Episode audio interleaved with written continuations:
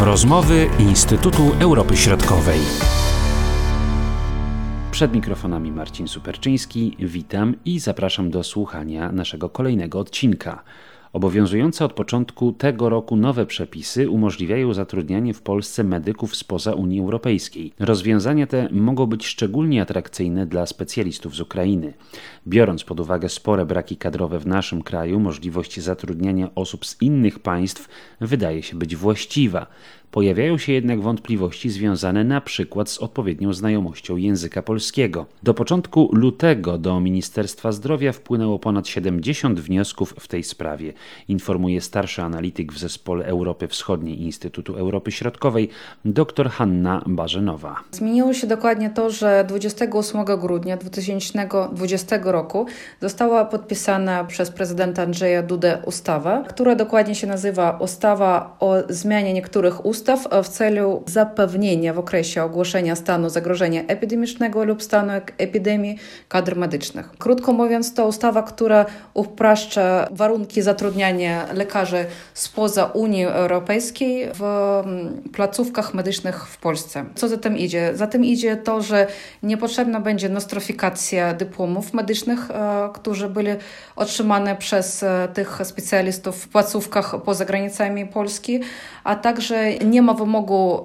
posiadanie zaświadczenia znajomości języka polskiego. Jedyny jest wymóg wystarczająca wiedza języka polskiego. No i trzecie oczywiście to uzyskanie zaświadczenia od polskiego podmiotu leczniczego. To znaczy to no, takie trzy główne warunki. Jakim zainteresowaniem będzie się cieszyło to nowe rozwiązanie wśród obywateli Ukrainy? Myślę, że będzie cieszyło się bardzo wysokim zainteresowaniem, e, ponieważ jeżeli chodzi o skalę obecnego zatrudniania ukraińskich medyków e, w Polsce, ona jest niska, ale jeżeli mówić o pozostałych przedstawicielach innych państw, to ona jest najwyższa. Jeżeli w chwili obecnej, na, w styczniu 2021 roku, było zatrudniono w Polsce 1594 lekarzy, w tym 550 z Ukrainy. To już wskazuje na to, że skala zainteresowania Ukraińców e, rynkiem, polskim rynkiem medycznym jest e, dość e, spora. Z drugiej zaś strony, jeżeli popatrzeć na te warunki, które obecnie mają medycy w Ukrainie,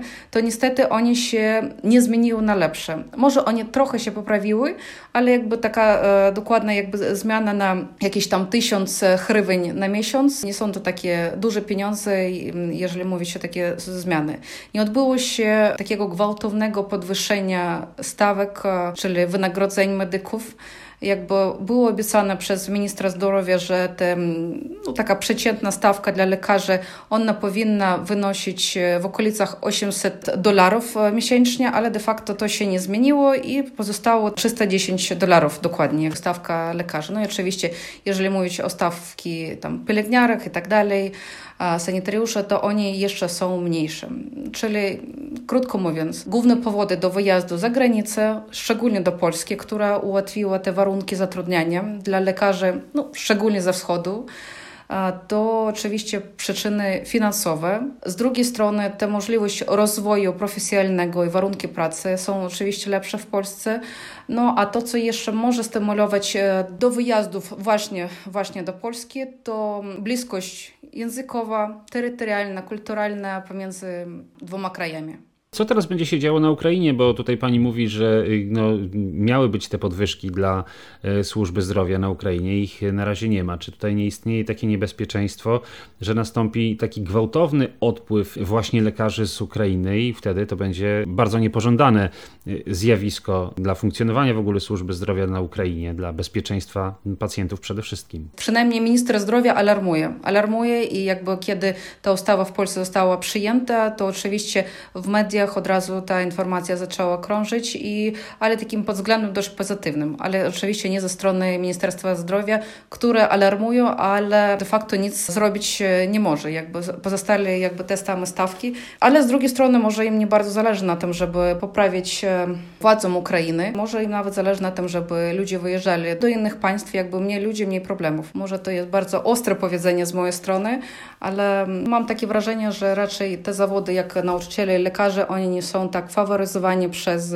władze Ukrainy już od wielu, wielu lat. Czy w ciągu mijającego stycznia i lutego e, widać, że następują jakieś zmiany, jeśli chodzi o liczbę lekarzy na Ukrainie? Czy już zaczął się ten ruch, można powiedzieć, na zachód, czy jeszcze za wcześnie, żeby tak to ocenić? Jeszcze, jeszcze za wcześnie takie, e, takie wnioski wyciągać może za jakieś parę miesięcy, jeżeli pogadamy na ten sam temat, będziemy mieli więcej informacji, a może nawet szczególnie po stronie polskiej, to ile, ile tam wniosków będzie, a ze strony ukraińskiej mogę powiedzieć, że nawet takie podstawowe liczby, jak liczba lekarzy, liczba lekarzy dentystów, liczba pielęgniarek jest dość e, trudna do znalezienia.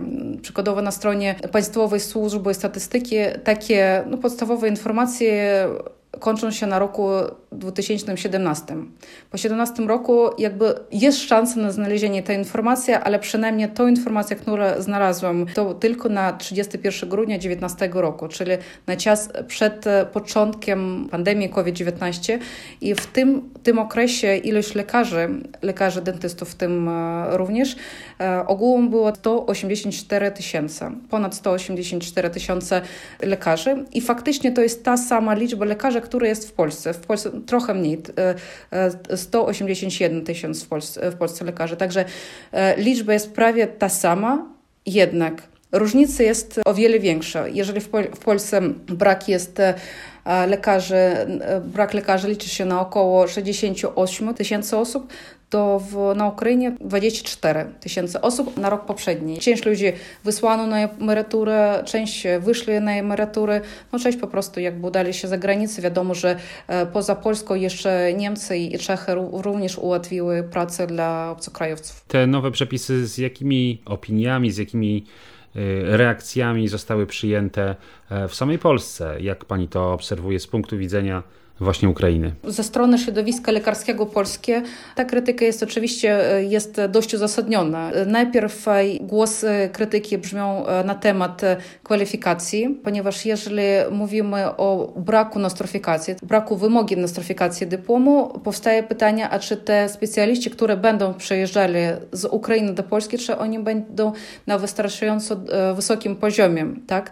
I właśnie alarmują, że to może być takim zagrożeniem dla bezpieczeństwa Polski, no polskich pacjentów po prostu, tak?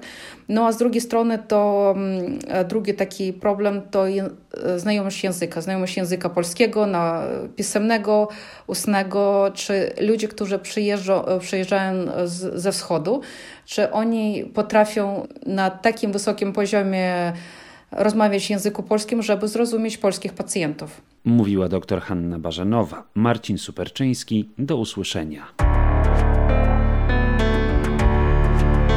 Były to rozmowy Instytutu Europy Środkowej.